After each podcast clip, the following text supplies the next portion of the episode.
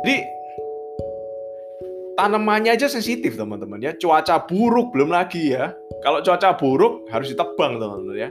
Anggurnya harus ditebang. Tujuannya apa? Supaya nggak merambah ke anggur-anggur yang lain ya. Akhirnya sakit ya. Yang lainnya anggur-anggur yang lain akhirnya sakit ya. Pertanyaannya yaitu tadi poin pertama ya. Kok nggak profesi ganti profesi ya? ke jadi petani padi kan lebih singkat ya. Nah, ya tentu ya, Pak harga padi, harga beras dengan harga wine itu jauh lebih mahal wine, teman-teman ya. Itu jelas ya. Terus yang kedua yang kita bisa pelajari teman-teman ya, yang kedua yang kita bisa, bisa pelajari ya, dengan segala kerumitan, sensitivitas tanaman padi, kalau seandainya cuacanya ganti, cuacanya berubah ya, sedikit saja berubah itu udah langsung rusak tanamannya. Ya. Sensitif. Ya. Nah itu hubungannya apa dengan bisnis kita teman-teman ya?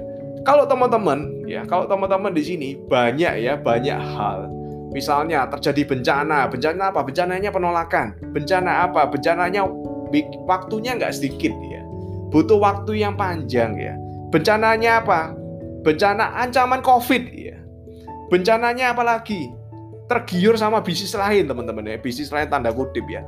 Nah biasanya bencananya itu itu itu ya. Itu itu aja bencananya di bisnis ini teman-teman ya.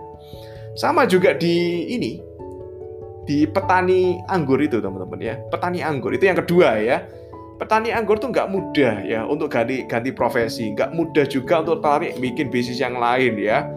Yang ketiga yang kita bisa pelajari teman-teman ya dari si petani padi eh petani anggur ini ya. Kalau misalnya ya si petani tadi anggurnya kan baru berbuah teman ya. Anggurnya berbuah di happy oh akhirnya anggurnya sudah berbuah ya setelah berapa tahun dia tunggu ya. Mulai berbunga dulu setelah berbunga lalu berbuah ya. lalu ternyata timbul berita teman-teman ya. Muncul berita harga anggur ya. ternyata lagi turun ya. Anggur kan komoditas ya naik turun lagi turun ya. Pertanyaannya adalah apakah petani anggur langsung panik ya? Waduh lagi turun ya langsung panik. Lalu anggurnya langsung dipetik ya dijual ke pasar cepat-cepat supaya apa? Supaya ganti profesi ya, nanam yang lain. Enggak, teman-teman. Kalau saya perhatikan ya, saya riset ya, petani anggur sepanjang hidupnya itu juga jadi petani anggur, teman-teman ya. Bahkan kalau teman-teman perhatikan, wine itu bahkan sampai bergenerasi bergenerasi. Jadi ada keluarga, keluarga A kalau dia memang tanam wine, tanam anggur, itu sampai anaknya, sampai cucunya itu tanam anggur juga, teman-teman. Jadi nggak segampang itu ya tahun lima tahun ini nanam anggur, tahun lima tahun berikutnya nanam apukat misalnya ya.